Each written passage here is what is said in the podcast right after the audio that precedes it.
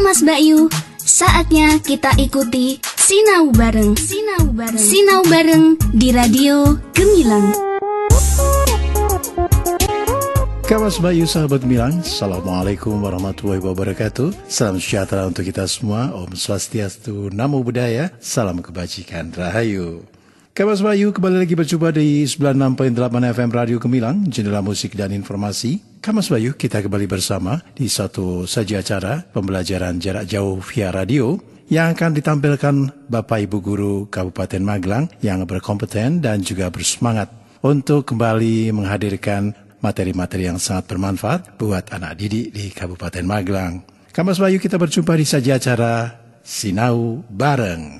Satu saja acara spesial dari Radio Gemilang FM, tentu saja bekerja sama dengan Dinas Pendidikan dan Kebudayaan Kabupaten Magelang yang akan hadir untuk Anda setiap harinya pukul 7 hingga 8 dan 11 hingga 12. Kamas Bayu Sahabat Gemilang juga bisa berpartisipasi dengan memberikan masukan-masukan yang kontributif di WhatsApp Radio Gemilang FM di nomor 081 578 968 968. Kamas Bayu, tanpa panjang kata lagi, kita sambut saja acara Sinau Bareng di kesempatan hari ini. Sinau Bareng di Radio Gemilang. Gemilang. Assalamualaikum warahmatullahi wabarakatuh. Waalaikumsalam Waalaikumsalam warahmatullahi wabarakatuh. Selamat pagi anak-anak hebat Kabupaten Magelang. Selamat bertemu dalam acara siaran pendidikan Disdikbud Kabupaten Magelang. Dalam acara Sinau Bareng, kali ini bekerja sama dengan Diskominfo Kabupaten Magelang 96.8 Radio Gemilang FM, Jendela Musik dan Informasi, dan seluruh sahabat hebat Kabupaten Magelang. Perkenalkan, nama saya Pak Faris, guru Pendidikan Jasmani, Olahraga dan Kesehatan di SD Negeri Pancoran Mas, Kecamatan Secang. Kali ini saya bersama dengan dua Pak Guru muda yang ganteng, energik, dan penuh dedikasi. Silakan bapak-bapak yang ganteng, anak-anak pengen kenalan dengan bapak-bapak yang ganteng dan energik ini. Halo anak-anak hebat Kang Mas Mbak Yu, sahabat Gemilang, wali murid yang selalu setia menemani putra dan putri. Perkenalkan nama saya Pak Febri Sulianto. Saya mengajar di SD Negeri Gulon 4, Kecamatan Salam. Selamat berjumpa, salam sehat untuk semuanya. Silahkan Pak Guru yang ganteng selanjutnya untuk memperkenalkan diri. Halo anak-anak hebat Kang Mas Mbak Yu, sahabat Gemilang, wali murid yang selalu setia menemani putra dan putri. Perkenalkan nama saya Pak Ridwan. Saya mengajar di SD Negeri Kanigoro 1, Kecamatan Ngabla. Selamat berjumpa, salam sehat untuk semuanya. Sebelum pembelajaran kita mulai, izinkan kami mengucapkan terima kasih. Yang pertama, kami haturkan terima kasih kepada Bapak Bupati Magelang, beliau Bapak Zainal Arifin, Sarjana Ilmu Politik. Yang kedua, terima kasih kepada Kepala Dinas Pendidikan dan Kebudayaan Kabupaten Magelang, Bapak Ayes Amin Mujahidin, Magister Pendidikan beserta jajarannya. Berikutnya, terima kasih kepada pengawas jenjang SD se-Kabupaten Magelang. Yang keempat, izinkan kami untuk menyapa Ketua K3S Kabupaten Magelang beserta jajarannya.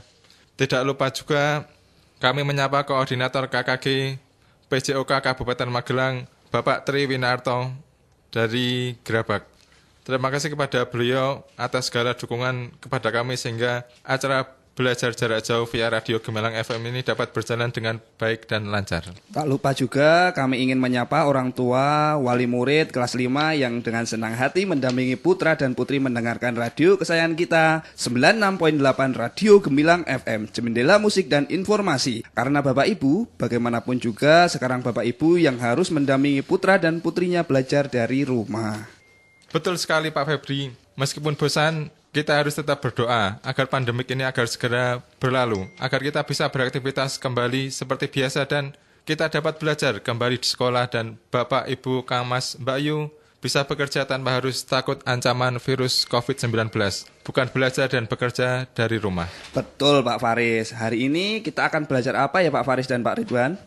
Anak-anak hebat semuanya, pagi hari ini Pak Guru akan ajak kalian belajar bersama.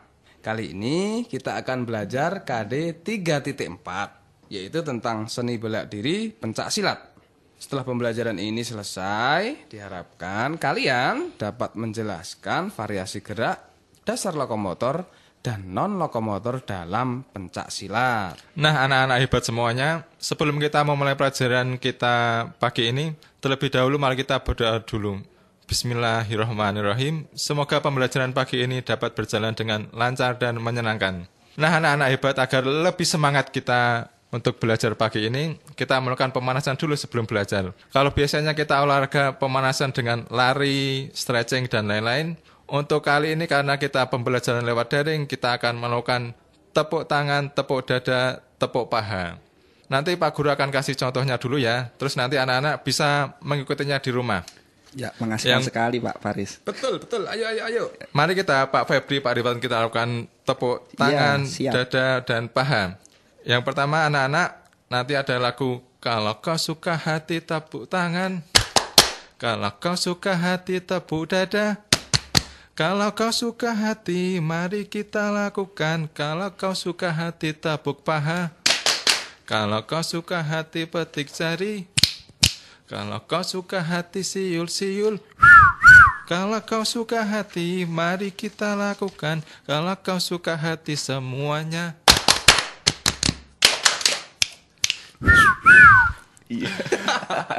Iya, anak-anak. Sekarang anak-anak bisa mempraktekannya sendiri atau mungkin Pak Guru barengin dan anak-anak sama Pak Guru, Pak Ridwan, Pak Febri melakukan bareng-bareng ya.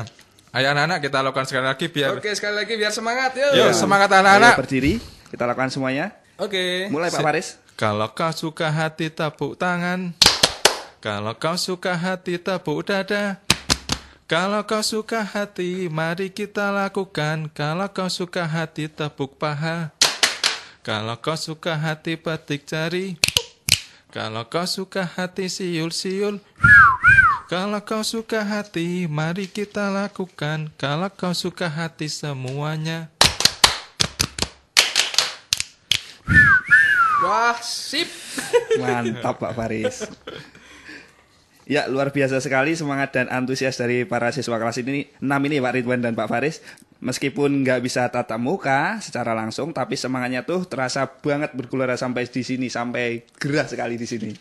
betul, betul, Pak Febri. Oke, anak-anak, apakah kalian sudah siap mengikuti pelajaran bersama Pak Ridwan, Pak Faris dan Pak Febri? Tentunya udah siap Pak Ridwan.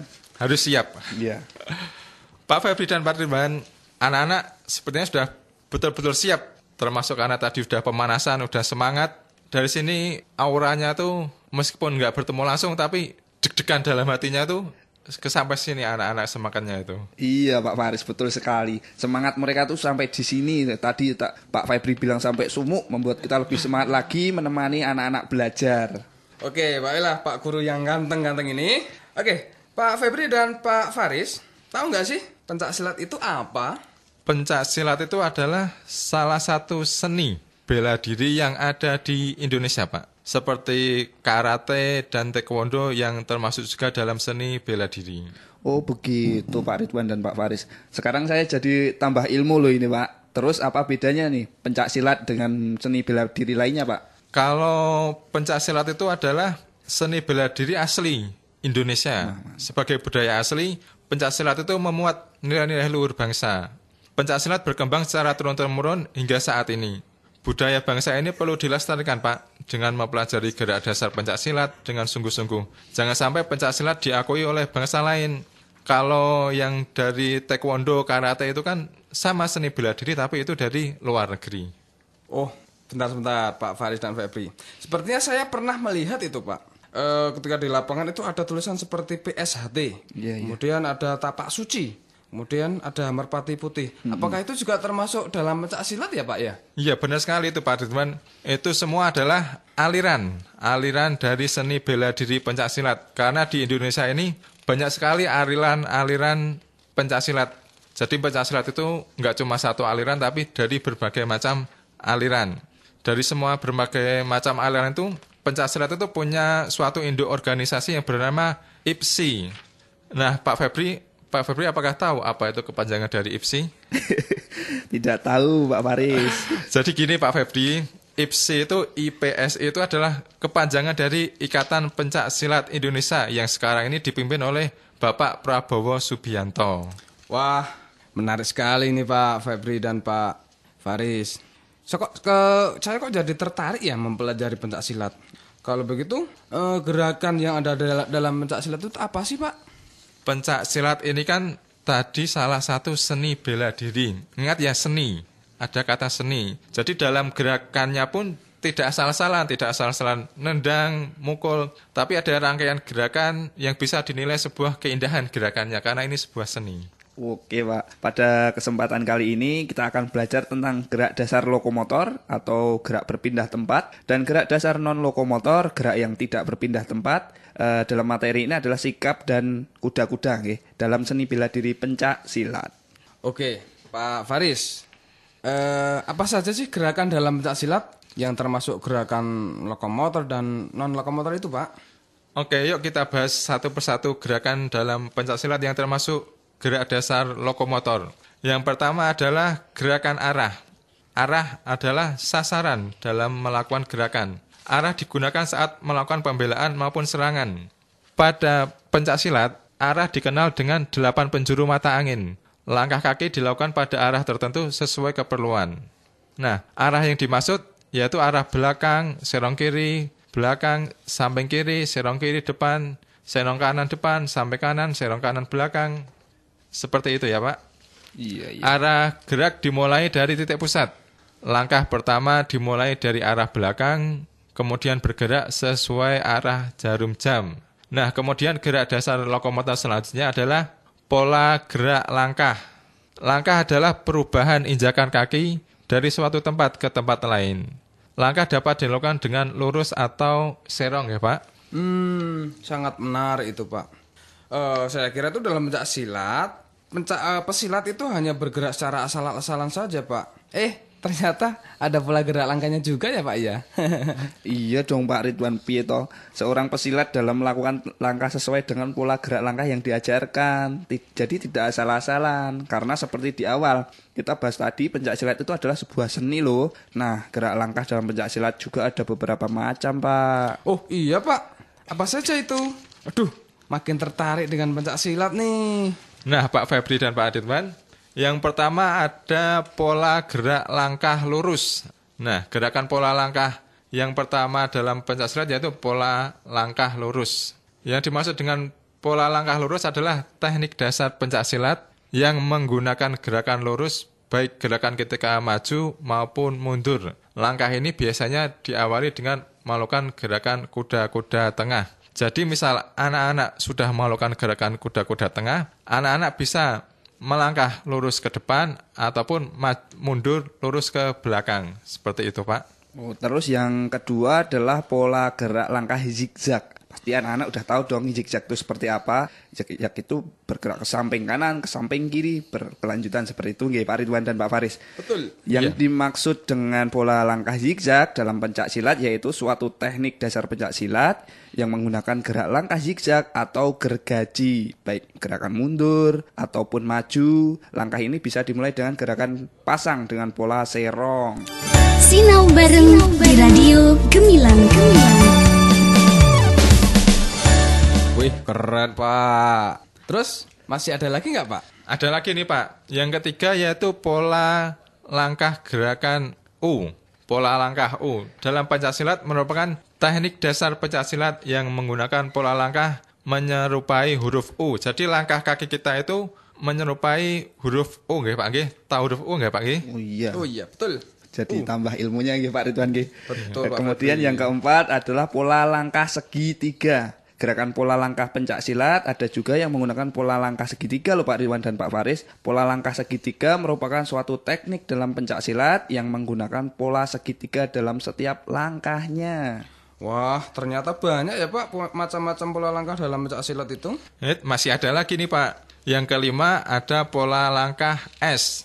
Gerak langkah dalam pencaksilat yaitu gerak langkah S merupakan teknik dasar pencaksilat yang menggunakan langkah yang menyerupai dengan huruf S. Jadi kaki kaki kita saat pencak silat itu kaki bergerak menyerupai huruf S gitu Iya, Pak. Tadi ada U, ada S, ada gergaji, zigzag itu ya Pak ya. Kemudian Iya. yang terakhir adalah pola langkah segi empat. Oh nih yang terakhir. Pola langkah segi empat merupakan sebuah teknik dalam pencak silat yang memakai gerakan yang membentuk segi empat. Langkah ini biasanya diawali dengan gerakan gabungan. Yang pertama adalah kuda-kuda tengah, kuda-kuda belakang, serta kuda-kuda samping. Jadi yang pertama-tama kita meng- menggunakan kuda-kuda tengah, kemudian disambung dengan kuda-kuda belakang, kemudian anak-anak bisa menambah dengan kuda-kuda samping. Duh, benar-benar luar biasa sekali tema yang dibahas kali ini ya Pak ya. Oke anak-anak, sudah jelas kan tentang gerak dasar lokomotor dalam pencak silat? Sekarang kita akan membahas gerak dasar non lokomotor dalam pencak silat. Apa saja sih gerak dasar non lokomotor dalam silat itu Pak?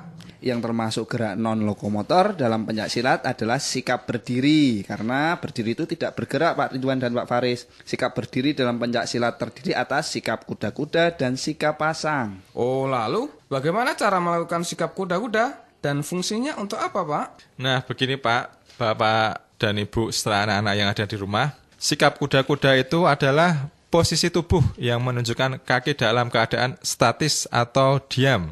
Kuda-kuda itu mementingkan penempatan posisi kaki. Kuda-kuda yang baik dapat mendukung pelaksanaan gerak dasar pencak silat. Nah, kuda-kuda itu berguna saat bertahan maupun menyerang.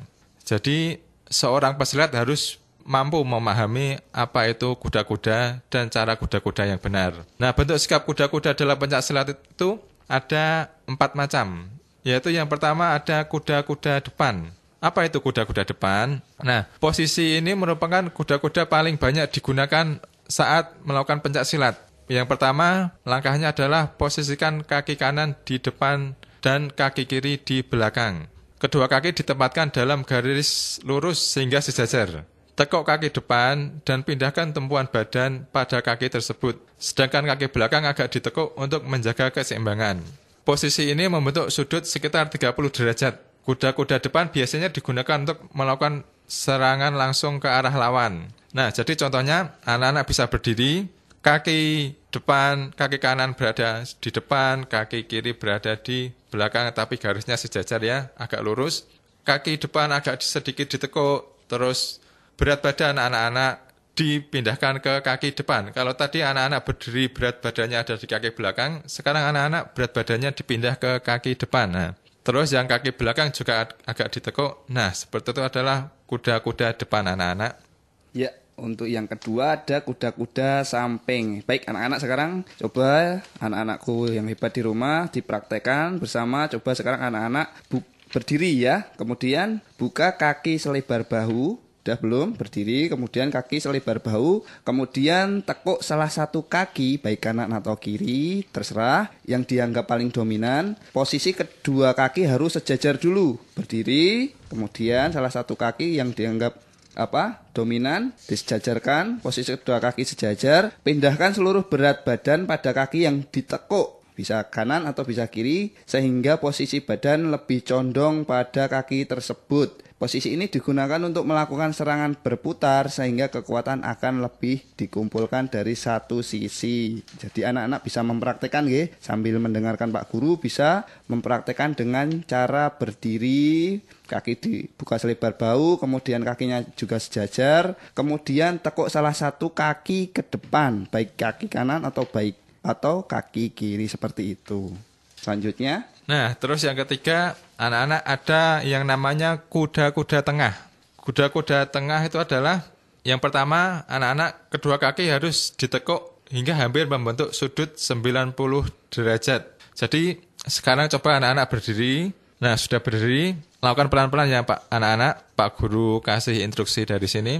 Anak-anak berdiri, posisikan kedua kaki ditekuk hampir membentuk sudut 90 derajat. Jadi hampir seperti jongkok, tapi kakinya harus kuat. Posisikan kedua kaki dengan kuat dengan apa untuk menopang badan kalian. Nah, pada posisi ini berat badan kalian ini ditopang oleh kedua kaki. Sudah ya anak-anak? Kalau sudah, nah seperti itu adalah namanya kuda-kuda tengah. Tangan bisa mengepal di samping pinggang kanan kiri. Kuda-kuda tengah ini biasanya digunakan untuk menahan serangan dari depan sehingga tubuh tidak akan terpental ke belakang karena posisi kita sudah kuat. Selanjutnya Pak Febri. Yang terakhir ada kuda-kuda belakang. Kuda-kuda belakang merupakan kebalikan dari kuda-kuda depan. Kalau tadi kan kuda-kuda depan kaki yang ditekuk, salah satu kaki yang ditekuk ke depan nggih Pak Faris dan Pak Ridwan. Nggih. Hanya saja kaki yang ditekuk ini berbeda. Posisi awal adalah meletakkan kaki kanan di depan dan kaki kiri di belakang dalam satu garis lurus. Kemudian tekuk kaki belakang. Kalau tadi kan yang ditekuk ke depan. Sekarang salah satu kaki ditekuk ke belakang, agak diluruskan dan tumpuan tumpuan berat badan pada kaki belakang. Posisi ini juga banyak digunakan untuk menahan serangan dari arah depan. Begitu Pak Ridwan dan Pak Faris. Luar biasa sekali ya penjelasan dari bapak-bapak guru ini. Saya jadi eh, seperti membayangkan eh, ketika saya ingin melakukan latihan pencak silat seperti itu, Pak. Iya Pak, seperti kita tuh rasanya ingin memperhatikan gerakannya ketika pembelajaran sudah berlangsung kembali Pak. Tapi kan sekarang ini kita masih menghindari pertemuan karena masih ada wabah COVID-19 ini Pak. Betul sekali. Oh iya, pembelajaran masih daring ya Pak ya. Jadi kita ini hanya bisa memberi instruksi dari sini tanpa bisa langsung bertatap muka dengan anak-anak Pak. Betul sekali Pak Faris. Tapi sayangnya memang kalau eh, dalam pembelajaran olahraga itu memang kita setelah menerangkan harus langsung mempraktekkan seperti itu Pak ya. Iya. Eh, tapi ya mau mau seperti apa lagi karena memang sedang kondisi seperti ini. Ya betul. Ya eh, gerakan-gerakan yang tadi memang ya tidak eh, susah nah, buat dipraktikkan di rumah. Yang memang di rumah memang tidak ada pak guru ataupun orang yang mahir yang bisa memantau sehingga tidak bisa memberi contoh secara langsung seperti itu Pak Faris. Iya, sebenarnya gerakan itu mudah-mudah gampang, Pak. Asal anak-anak itu di rumah benar-benar mau mempelajari, itu gerakannya tidak terlalu susah-susah karena tadi kan seperti cuma gerakan kuda-kuda dan gerak langkah. Nah, anak-anak juga biar bisa lebih paham, bisa lebih mengerti contoh gerakannya, anak-anak itu bisa membuka YouTube lalu mencari video latihan gerak dasar pencak silat. Nah, di situ nanti anak-anak bisa mengikuti gerakan yang ada di video itu. Anak-anak tidak harus langsung bisa. Anak-anak perlu beberapa kali mencoba. Tidak hanya sekali mencoba, anak-anak melihat video, mencoba langsung bisa. Itu nggak bisa. Anak-anak harus beberapa, beberapa kali mencoba. Yang penting anak-anak itu jangan pernah lelah dan bosan untuk berusaha. Nah, dengan begitu, besok saat sudah bisa pembelajaran tatap muka di sekolah, anak-anak langsung bisa nih mempraktekkan gerakan-gerakan yang dijelaskan tadi. Mulai dari pola langkah sampai kuda-kuda, seperti itu Pak Ridwan. Oke, pesan dari kami bertiga, dari Pak Ridwan, Pak Faris, dan Pak Febri untuk anak-anak hebat. Kerjakan tugas dari Pak Faris tadi ya, dengan tetap mengikuti protokol kesehatan. Jadi tugasnya tadi apa? Mempelajari video YouTube, kemudian mempraktekkan sendiri di rumah.